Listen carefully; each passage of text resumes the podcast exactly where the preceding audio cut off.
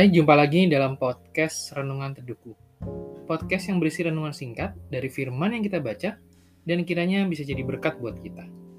Nah, dalam episode kali ini uh, saya ingin mengangkat tentang kuasa perkataan. Nah, saya ambil dari Lukas pasal 4 ayat 36, tetapi dengan bahasa Indonesia masa kini ya, dari terjemahan lain. Semua orang heran dan berkata satu sama lain. Bukan main kata-katanya, dengan wibawa dan kuasa, ia memerintahkan roh-roh jahat keluar, dan mereka keluar juga. Jadi ini saya ambil dari terjemahan lain dari Lukas 4 ayat 36. Lalu dari eh, bacaan yang lain yaitu dari Amsal pasal 17 ayat 27 berkata gini. Orang yang berpengetahuan menahan perkataannya.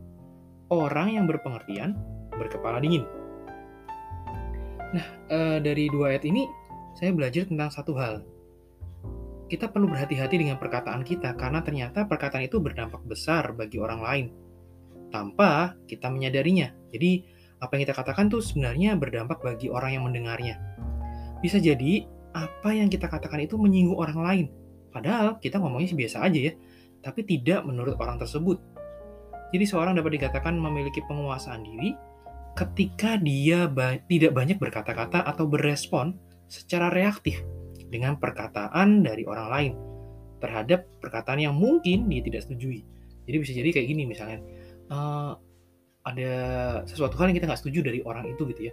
Terus kita langsung ngomong aja apa adanya. Nah bisa jadi dalam kita bicara atau kita berdebat ada kata-kata yang menyinggung perasaan orang lain tanpa kita sadari eh, kata-kata itu menyinggung. Bagi kita bisa aja kata-katanya, tetapi bagi orang yang mendengarnya belum tentu.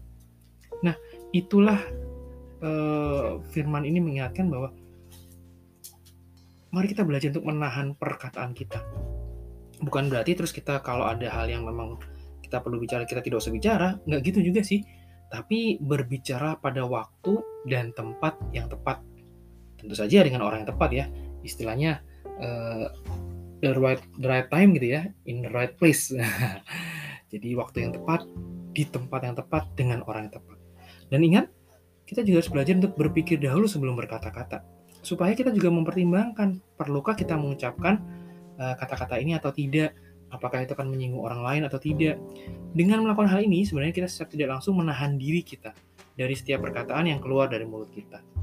Nantinya, ketika memang kita harus memperkatakan, maka perkataan kita itu akan memiliki kuasa atau wibawa, sehingga tentu saja dapat berdampak tentunya kepada orang lain dan membawa dampak yang baik dan juga itu akan menjadi berkat buat sesama.